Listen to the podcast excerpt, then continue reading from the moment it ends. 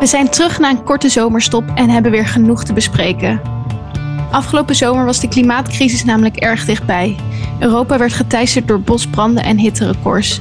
Daarnaast brak er in Nederland ook nog eens protesten uit tegen nieuw stikstofbeleid. En er dreigt een crisis op de energiemarkt. Kortom, genoeg om weer bij te praten.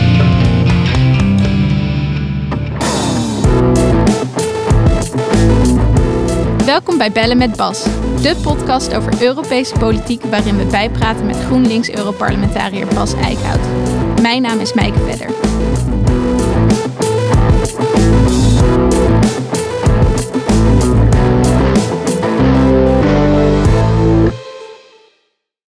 Hallo Bas, je bent er weer. Goeie, goeiedag Mijke. Ja, ja, ja, ja. Goeie vakantie gehad, dat wel. Ja, nog je bent Ja, ja. in Brussel, toch? Eh, deze week wel eh, half in Brussel weer begonnen, maar het, het echte werk, echte week, volgende week gaat het wel weer helemaal eh, beginnen, ja. Ja. En waar begint het dan meestal mee? Zo'n, is dat gewoon weer oppakken waar, waar je gebleven bent? Nou, eigenlijk wat je natuurlijk in je inleiding al zei, er ligt nog heel veel op, op tafel rondom eigenlijk met name de energiecrisis Mhm. en de oorlog, de oorlog met Rusland hè, van Oekraïne, de gevolgen voor de energieprijzen. Eh, ja, dat, dat heeft gewoon eh, ja, grote gevolgen voor allerlei stappen die nog gezet gaan worden. Maar los daarvan ligt er ook nog heel veel wetgeving. We moeten nog onderhandelingen rondom het hele klimaatpakket. Er ligt nog nieuwe wetgeving op de Green Deal.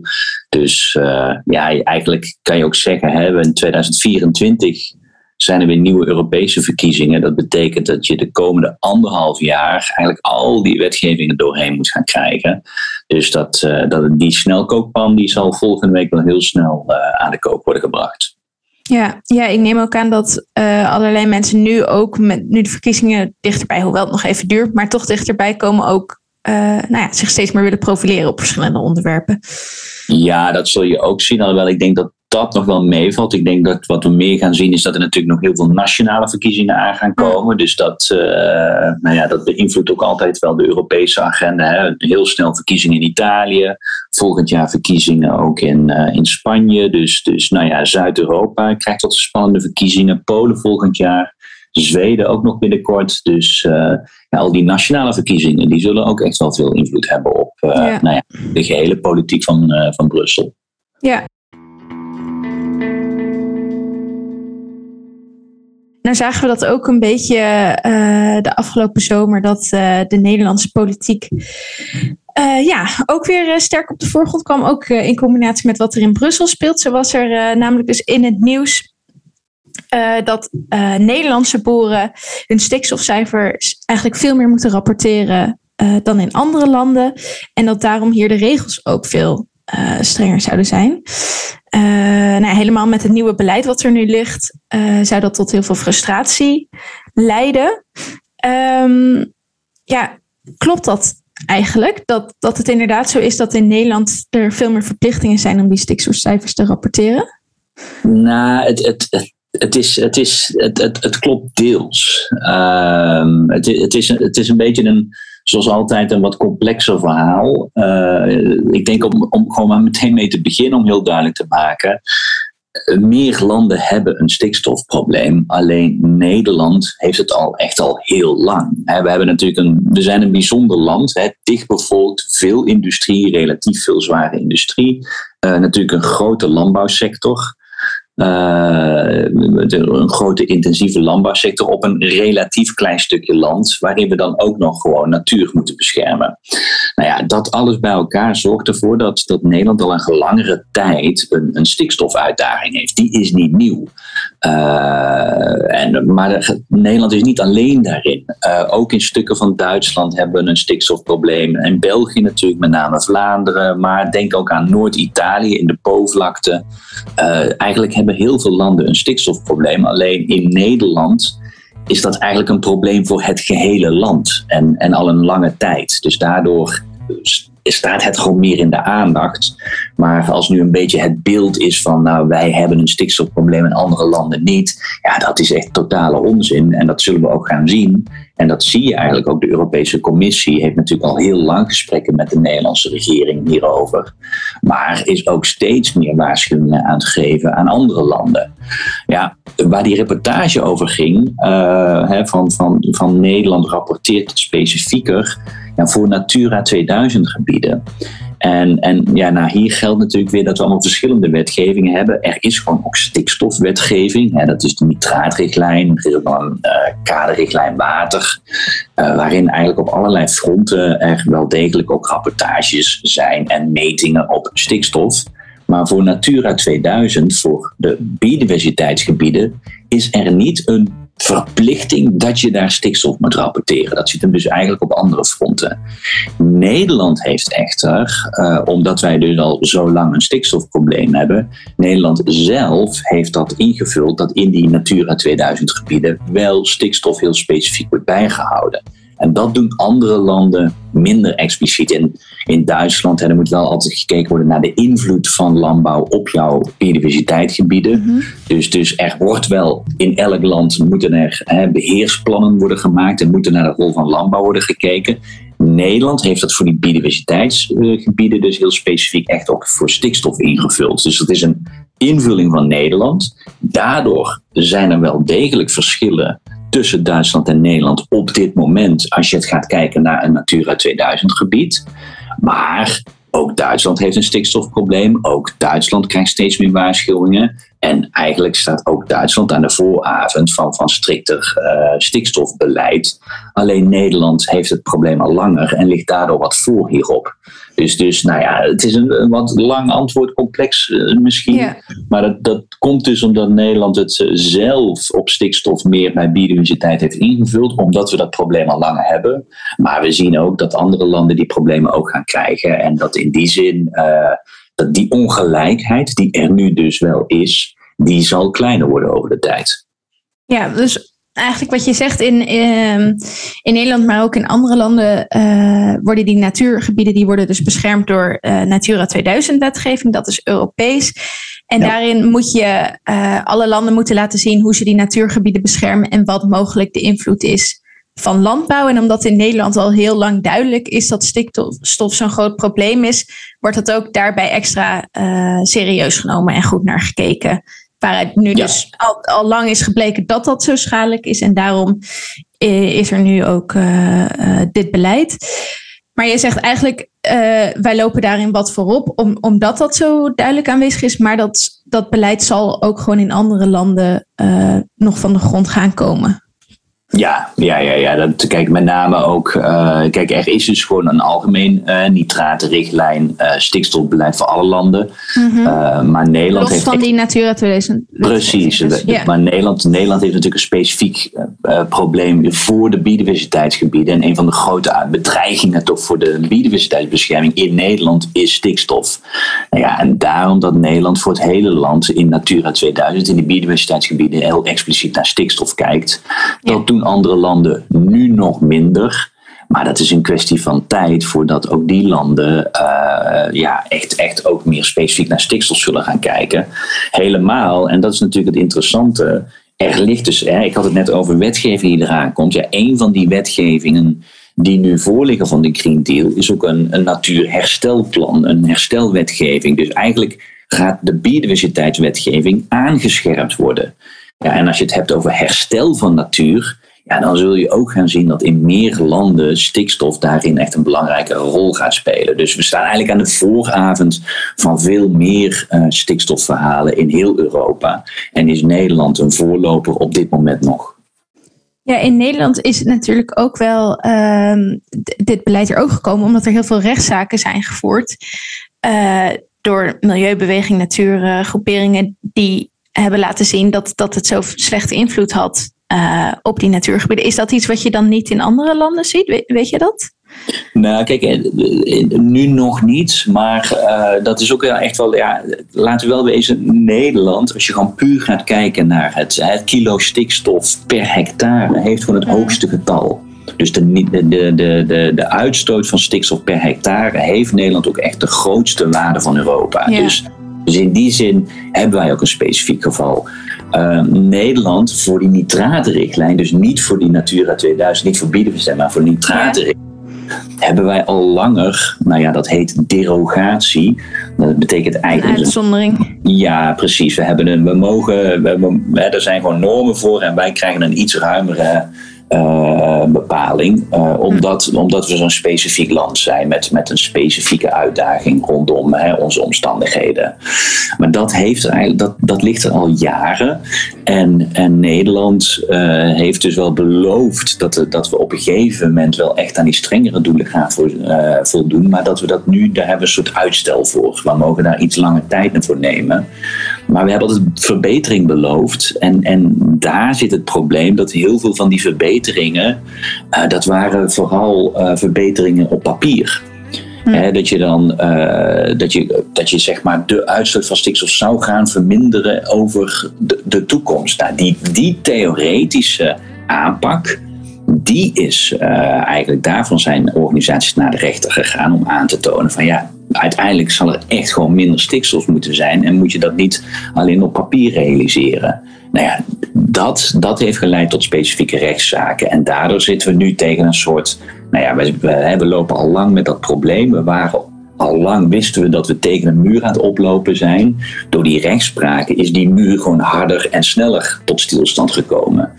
Uh, en, en is de pijn harder op dit moment in Nederland. Maar dat is een gevolg van eigenlijk beleid dat, dat jarenlang uh, de kop in het zand heeft gestoken. Dat is wel echt specifiek een Nederlands uh, probleem. Ja. Maar nogmaals, dat is dus omdat wij de, toch nog steeds de grootste uitstoot hebben. Maar als je gaat kijken naar toekomstige projecties dan zie je echt ook in regio's in Duitsland, Vlaanderen, Noord-Italië, zie je, zie je problemen opdoemen die, uh, nou ja, ik zou die regeringen aanraden te leren van de fouten van Nederland. Ja, en um, uh, de NOS had hier een item over gemaakt en daarin kwamen twee boeren uh, aan de grens aan het woord. Eentje die net in Duitsland, de andere in Nederland woonde. En die een die in Duitsland woonde, hoefde dus inderdaad veel minder te rapporteren. Um, maar die zeiden wel heel erg, ja, dit ligt ook aan die Europese wetgeving, waar dus gewoon geen eenduidige aanpak in beschreven staat. Is het dus ook echt een fout in de wet, wat, wat misschien nog aangepakt kan worden? Um, of ja, is, is dat niet nee. zozeer het probleem? Nee, ja, kijk, het is sowieso een probleem dat je zo'n grote ongelijkheid hebt uh, tussen twee landen. En dat, mm. dat, dat levert vragen op en, en onbegrip en irritatie. Dus dat snap ik ook volledig. Uh, als jij het gevoel hebt, hallo, ik kan hier in Nederland niks en verder op de grens kun je nog wel uitbreiden hierdoor.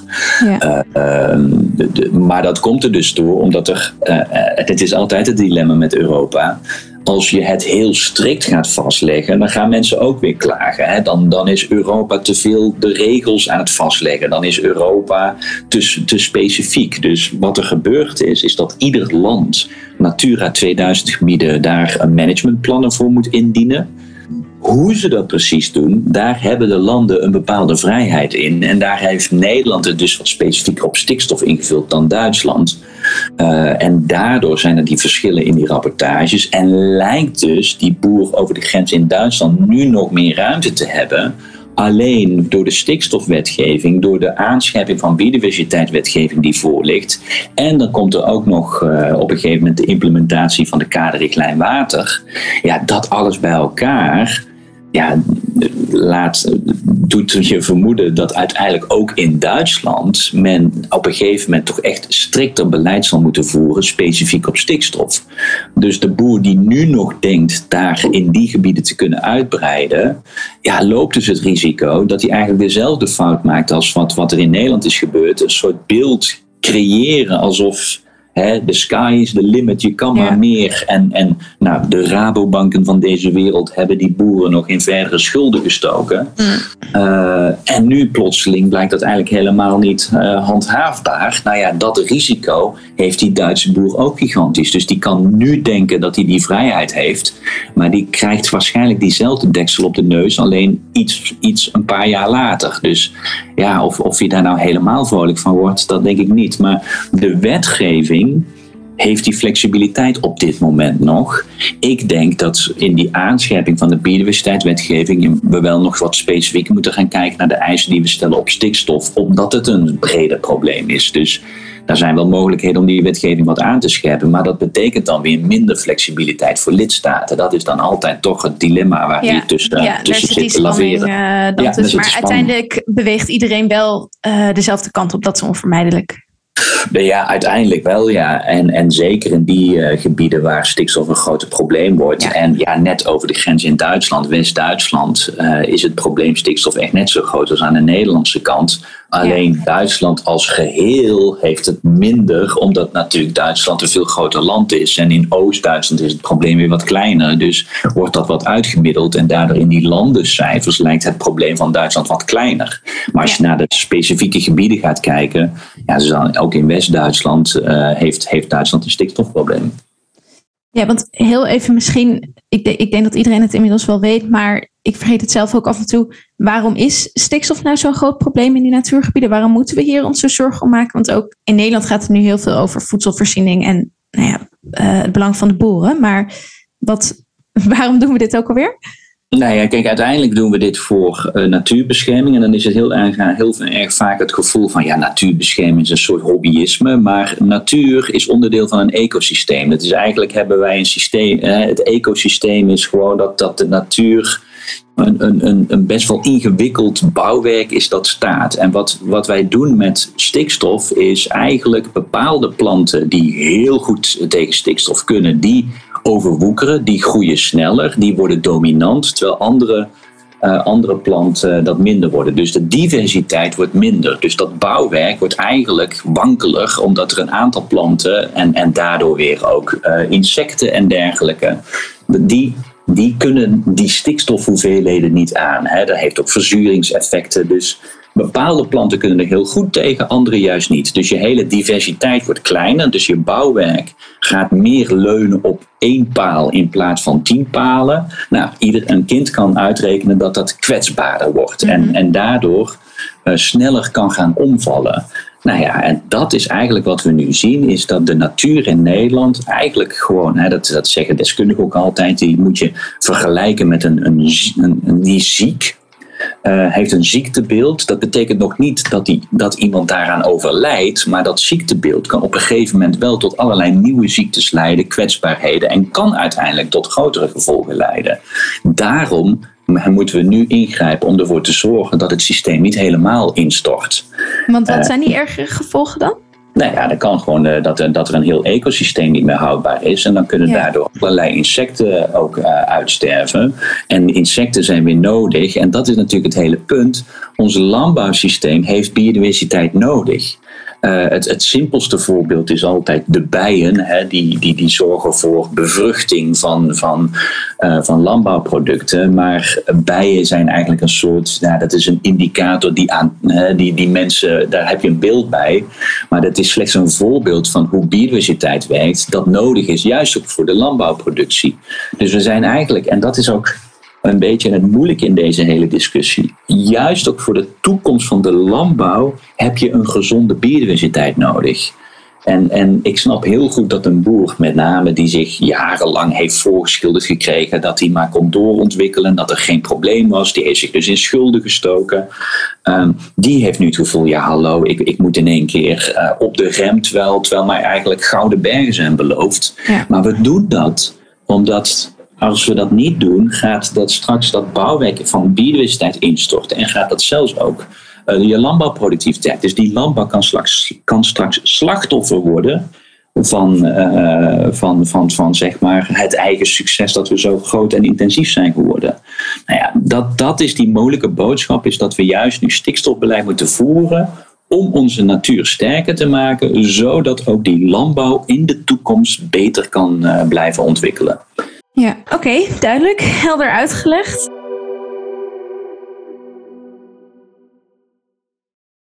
Um, naast de stikstofcrisis hebben we uh, nog veel meer uh, uh, problemen. Um, waaronder ook gewoon het klimaat. Dat speelt nog steeds. Dat was deze zomer weer ontzettend duidelijk. Ik ik was zelf in Frankrijk en Italië en daar heb ik het heel erg warm gehad. Maar er waren ook bosbranden, hitterecords. Uh, terwijl vorig jaar hadden we natuurlijk juist overstromingen. Um, we zien nu ook dat de blaadjes juist al van de bomen vallen. Is dit een beetje het nieuwe normaal wat we eigenlijk iedere zomer kunnen verwachten? Nou ja, kijk, kijk je hebt met weer altijd extreme natuurlijk. Dus uh, alleen die extreme die, uh, die worden wel op een steeds warmere basis eh, gebouwd. Dus die extreme worden ook extremer. En uh, ja, ik bedoel, de hitte, die zomers, ja, dat zie je gewoon, is dat, dat de gemiddelde zomers, er zijn ook studies van, dat Nederland nu eigenlijk zomers heeft die we, die we nou ja, twintig jaar geleden in Midden-Frankrijk hadden. Dus, dus in die zin schuift het in een geheel op. Ja, daarvan kun je nog zeggen van, nou, dat, dat kunnen we nog wel opvangen. Uh, maar, maar waar de extreme natuurlijk een probleem worden, is, is met name in de watervoorziening. Uh, die, die hele cyclus van water wordt natuurlijk door die opgewarmde aarde uh, ook intensiever. Hè. Warme lucht kan meer water vasthouden, er wordt meer verdampt. Dus je krijgt op kortere tijd plotseling veel wateroverlast. Nou, dat kan tot die overstromingen van vorig jaar leiden. Uh, maar het kan dus, als dat, dat komt op specifieke plekken in een korte tijd eruit, verder door die hitte kan het juist ook droger worden. Nou ja, dat hebben we heel erg gezien in, uh, in, in, in Europa deze zomer. Met natuurlijk gevolgen voor met name de rivieren die heel laag staan. Daardoor kunnen schepen niet meer varen, krijgen we bij industrieën koelwaterproblemen. We zien in Frankrijk heel veel kerncentrales die dicht moeten omdat er ook problemen zijn met de koelvoorziening. Um, dus je hele energievoorziening wordt er doorgeraakt, onze industrie wordt er doorgeraakt. Ja, dit, uh, dit laat gewoon zien dat onze hele samenleving ja, steeds gevoeliger wordt voor die extremen en voor dat, voor dat, voor dat veranderende klimaat. Wat, en het, het nieuwe normaal zal dus ook echt wel zijn dat onze hele, ja, onze hele infrastructuur echt aangepast moet gaan worden. Want ik heb het nog niet eens over wederom ook landbouw gehad, wat steeds meer last heeft van die droogte, zeker in Zuid-Europa. Dus uh, ja, ik, ik, ik vrees dat dit het nieuwe normaal is. Maar het nieuwe normaal betekent ook wel echt meer risico, of meer rekening houden met, met extremen. Met name dus ook in de watervoorziening. Hè, grotere tekorten of juist grotere overschotten.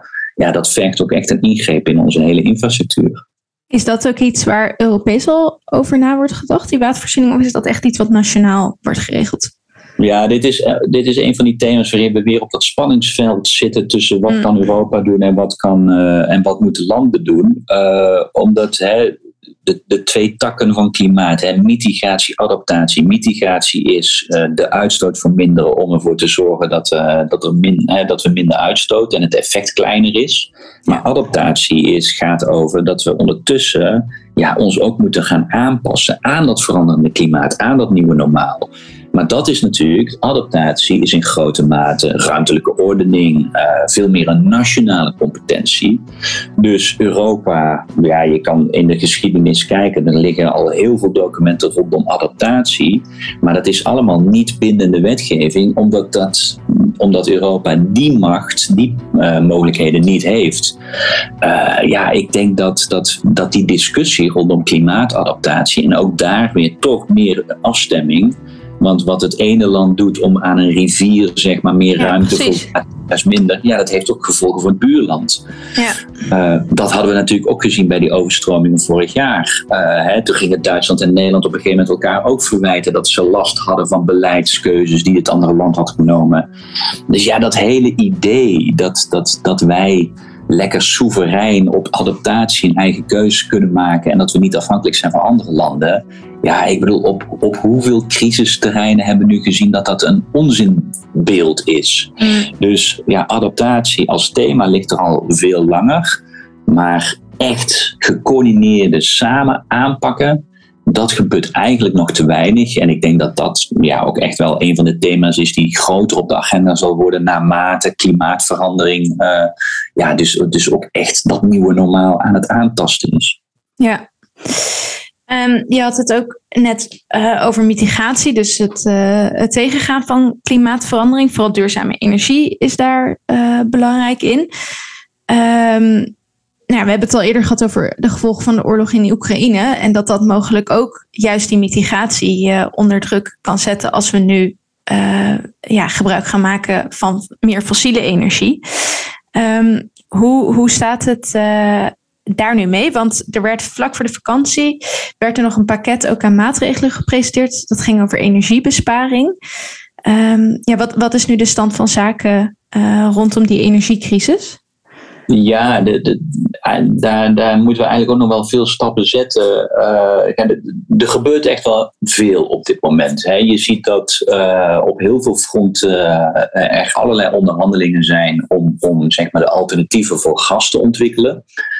Dat is op de korte termijn helaas nog steeds alternatief fossiel gas, maar dan andere regio's. Uh, de minister van Energie, Habeck, was, van Duitsland, was afgelopen week samen met Scholz in Canada om daar te praten over hoe Canada ons ook kan helpen met energie. en, en dat zou dan over LNG gaan? Nee, dat, dat, ging heel specifiek, dat ging heel specifiek over waterstof en dan okay. groen waterstof. Dus dan wordt er waterstof met, met water en windkracht opgewekt in Canada en dat waterstof komt dan naar Europa. En, en dat zou dan uh, uh, onze energievoorziening ook moeten helpen. Uh, Macron is nu in naar Noord-Afrika. Uh, doet hij niet alleen om zijn oude koloniën te bezoeken, dat doet hij ook gewoon omdat daar natuurlijk over gas gesproken moet gaan worden. ook in Italië zijn allerlei discussies met Noord-Afrika. dus, dus je ziet eigenlijk dat, dat puur op die energie vervanging, de alternatieven voor Russisch gas, dat daar heel veel op gebeurt. Uh, wat we ook zien is dat er allerlei voorbereidingen voor de winter zijn. uh, dat was ook in het nieuws. Het, het gaat eigenlijk best goed met het aanvullen van onze gasvoorraden. Dat gaat beter dan verwacht. Ehm, dus dus hè, Europa had voor de zomer gezegd, we moeten tot een bepaald niveau onze gasvoorraden aanvullen, 80%. Nou, daar lijken de landen eigenlijk nu al aan te komen en ze, ze gaan waarschijnlijk nog verder dan 80%. Dus, is is nou, dat dan ook omdat het uh, een relatief warme zomer, of nou ja, ik denk dat überhaupt dat huishoudens weinig gas gebruiken uh, om te verwarmen, maar ja, waar ligt dat dan aan dat dat niet zo Nee, dat is echt wel een, dat is een overheids. Uh, heel veel overheden hebben daar echt wel werk van gemaakt. Omdat we niet net zoals vorig jaar. Eigenlijk vorig jaar zijn we echt door het oog van de naald gekropen. Omdat we geen strenge winter hadden. Ja. Uh, dus dus dat, heeft, uh, dat heeft ons echt gered. want onze gasvoorraden waren echt beperkt en, en mager. En dat, die klap willen we niet nog een keer hebben. Ook omdat er gewoon een grote onzekerheid is over de gasleveringen vanuit Rusland. Het spel van Poetin met Nord Stream 1. We gaan nu weer een periode van toevallige werkzaamheden. In één keer zijn er heel veel werkzaamheden aan Nord Stream 1 nodig. Uh, dus dus uh, ja, Poetin ja, is. Dat is eigenlijk wat Rusland nu doet. Ze zeggen niet expliciet uh, dat ze stoppen met de gastoevoer, maar door constant ja. nou ja, te gaan werken aan gasleidingen staat het eigenlijk ook bijna stil. Ja, de Duitse minister van Energie, Habeck, heeft ook heel duidelijk gezegd van, dat de Duitsers hebben hè, met hun inlichtingen zeiden er is geen enkele reden voor deze plotselinge werkzaamheden. Dit is echt puur politiek van Poetin. Uh, en het is gewoon angst zaaien, uh, angst zorgt voor onzekerheid, dat maakt de markten onzeker. Dus, dus dat zorgt voor die oplopende energieprijzen. Nou, tegelijkertijd zijn dus overheden gas aan het inkopen voor die voor, voorraden die we nodig hebben in de winter. Dus, dus juist om ons in de winter meer zekerheid te geven, zie je nu ook wel dat juist dat tot extra ja, spanning op die gasmarkt nu leidt. Dus dat heeft ook een prijseffect. Nou ja, die hele onzekerheid is die hele energieprijzen, die, die, die stijgingen die we allemaal zien. En uh, een aantal mensen met flexibele gascontracten ook het ergst voelen op dit moment. Uh, ja, dat, dat, dat is dus ook deels omdat we ons aan het voorbereiden zijn om in de winter voldoende gas te hebben, mocht Poetin nog verder die gaskraan dichtdraaien. Dus, dus op dat front is er heel veel bezig. Um, waar de commissie vlak voor de zomer nog mee kwam, is eigenlijk een, een, ja, ja, twee thema's. De eerste is natuurlijk besparing. Dat is nog steeds onderbenut en wordt nog steeds onderschat. Alhoewel dus in Nederland bijvoorbeeld, wij doen het heel goed met besparing. En dat is natuurlijk ook interessant dat de industrie altijd heeft gezegd, nee, we kunnen niet meer besparen. Uh, terwijl we dus nu in een hele korte tijd zien dat er veel meer mogelijk is dan wat ooit is gezegd dat kon. Is dat dus, dan gewoon een efficiëntieslag uh, die gemaakt wordt? Of worden bepaalde dingen echt uitgezet waar, waar ligt dat denk je aan? Beide, beide. Maar, maar toch ook echt wel wel dingen uitgezet, omdat er dus blijkbaar toch ook processen minder hard nodig zijn dan, dan, dan voorgespiegeld. Hm.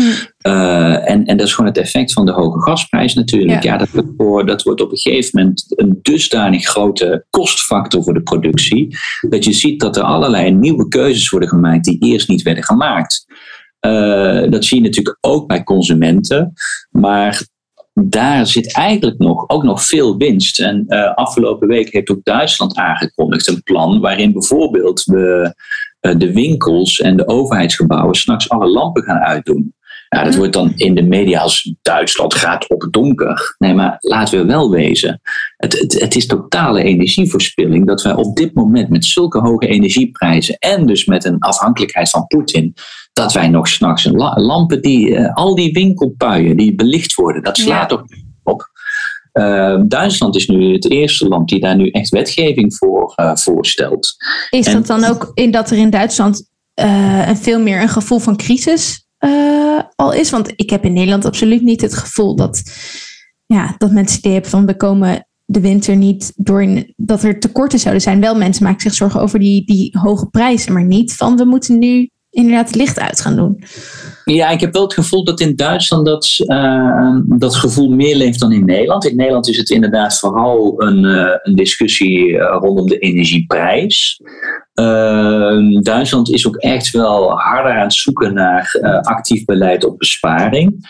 Ik denk wel, we moeten eerlijk zijn, dat, dat Nederland, als je nu naar de cijfers kijkt, doet het, ongeveer, doet het echt heel goed op besparingscijfers. Okay. Dus in die zin, in die zin zou je, hè, als je als je, als je niet verder kijkt dan je neus lang is, zou je kunnen zeggen, nou, we zijn goed bezig, want onze besparingen, eigenlijk, hè, de commissie heeft een soort streefdoel uh, opgeschreven van dit, dit soort besparingen moeten gehaald worden. Nou, het gaat over 15% en dergelijke. Nou, Nederland, hij heeft dat al gehaald. We zitten meer boven de 20%. Dus, hm. dus in die zin zou Nederland kunnen zeggen, nou, wij doen het goed. Wij hoeven die paniek niet zoals in Duitsland. Maar ja, wat we dan vergeten, en dan komen we weer, die energiemarkt is wel Europees. Ja. Dus op het moment als een land minder goed die energiebesparing doet, maar in de winter wel bereid is daar meer geld voor uit te trekken, ja, die, die, die voorraden die wij aanleggen, zijn, is, is niet gereserveerd voor Nederland. Uh, dat is een private partij die uiteindelijk aan de hoogste bieder het gaat uh, uitbetalen. En kan dus straks zijn, dat even een gechargeerd geval, dat Duitsland onze nu aangelegde gasvoorraden leegtrekt. Ah, ja. En, en dat laat weer zien, ook deze crisis zullen wij veel meer Europees moeten coördineren en samen moeten doen. Want ieder land zal die besparing moeten doen. Nou ja, dat heeft de commissie dus proberen voor te leggen. Een aantal landen hebben er heel negatief op gereageerd. Hè, bijna in de, in, de, in de categorie waar bemoei je je mee? Uh, nou ja, omdat we dus met z'n allen toch in diezelfde energiemarkt zitten. En, en de ene besparing van het ene land kan teniet gedaan worden door een ander land die het niet doet. Dus daarom heeft de commissie gezegd: wij raden nu aan om besparing te halen. Nou, Duitsland zet dat om in, in beleid nu. Nederland heeft het al gehaald. Maar de commissie heeft ook gezegd: van ja, als wij een tekort aan besparing zien, willen wij het echt gaan verplichten. Nou ja, dat is, dat is vloeken in de kerk van de nationale lidstaten. Omdat zij inderdaad ook bang zijn dat landen die nu niet besparen, straks die voorraden van andere landen. Uh, Precies, ja, omdat ja. we uiteindelijk uh, de, de, de, hele energieconsumptie van Europa, daar, daar moeten we het over hebben. En niet, ja. niet van het ene land die zegt, ja, ik doe het goed, dus ik ben klaar. Ja. Uh, want er komen we ook nog, en dat wordt een veel moeilijkere discussie. En dat, is, dat was dat tweede deel van waar de commissie mee kwam. Maar dat was niet echt uitgewerkt nog.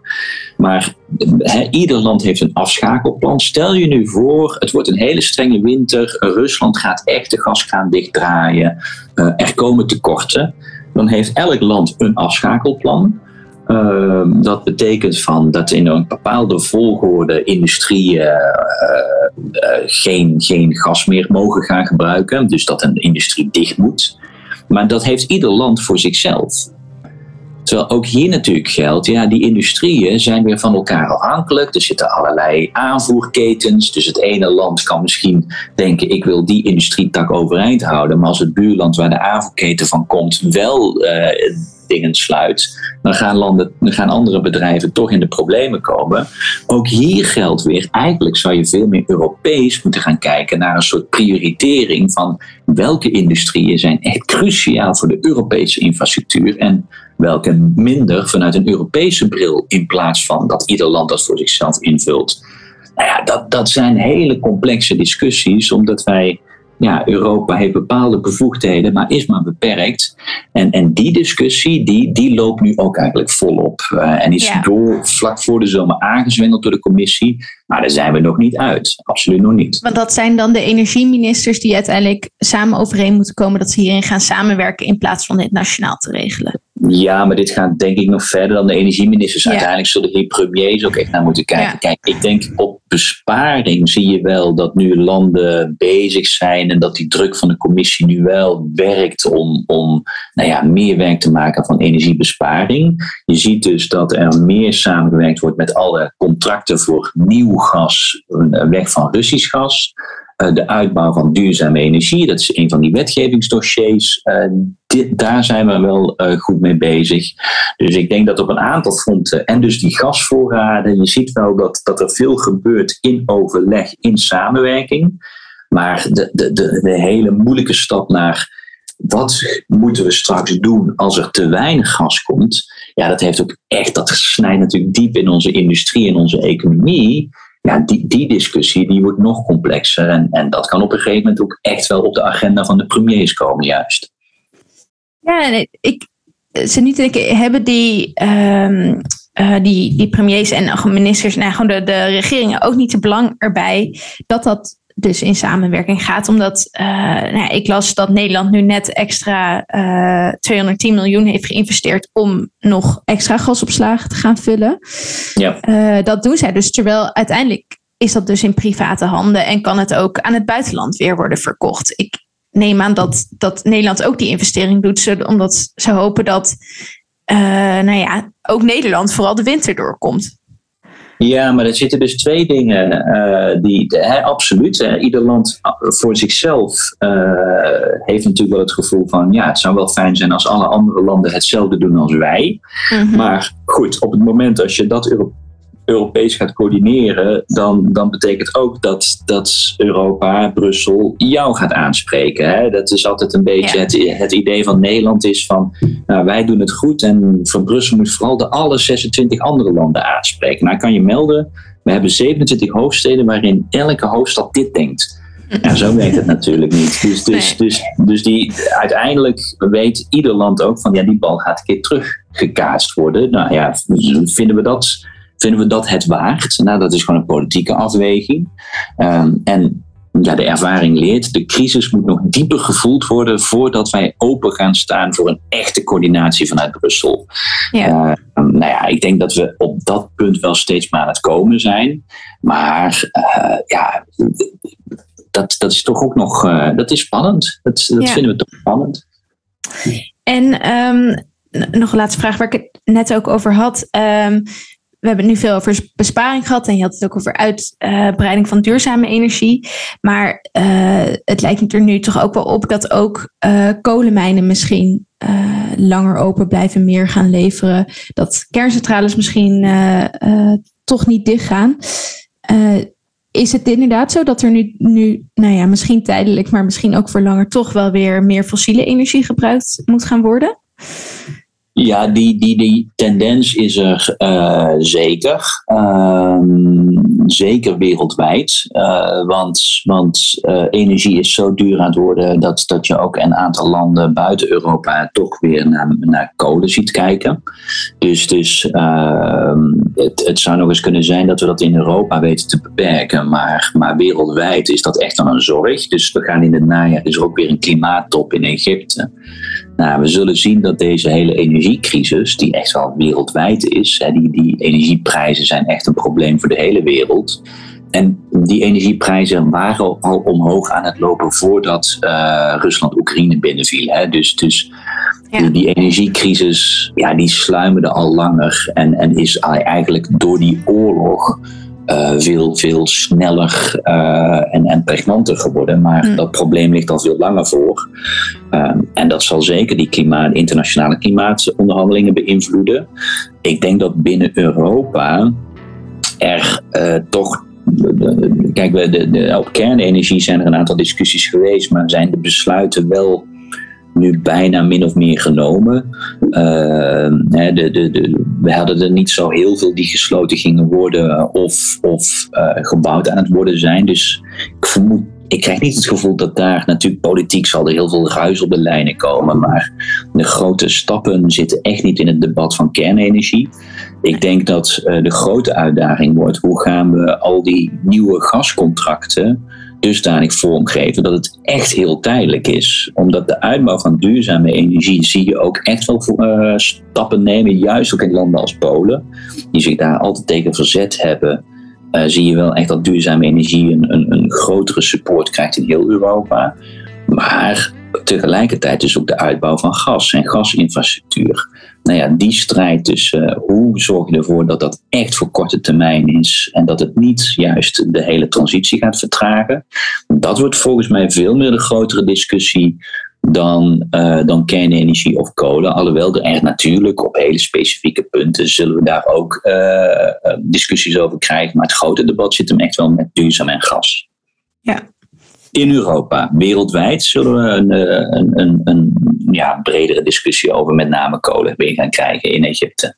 Ja, nou, ongetwijfeld gaan we het daar richting de klimaatop ook nog uitgebreid over hebben. Um, het wordt volgens mij een, een spannend politiek jaar. Maar ik heb er ook wel zin in. Ja, nee. Het, en het, het najaar is altijd kort, maar, maar het zal heftig zijn. En eh, in Nederland hebben we het nu over de asielcrisis en de stikstofcrisis. Maar de economische en energiecrisis kun je echt uh, uh, gewoon toevoegen aan dat lijstje. En de klimaatcrisis blijft er ook nog steeds boven hangen als het zwaard van Damocles. Dus ja, ehm, we, hebben, we hebben wat stabiele regeringen nodig om dit aan te pakken. En dat is in steeds meer landen wel ook nog de politieke uitdaging. Ja. Ja, die verkiezingen worden inderdaad ook spannend. Um, bedankt voor nu. Volgens mij praten we snel weer verder om dit uh, nou ja, allemaal te duiden. Laten we dat, uh, laten we dat afspreken. Er gaat genoeg gebeuren de komende periode. Ja, ik denk het ook.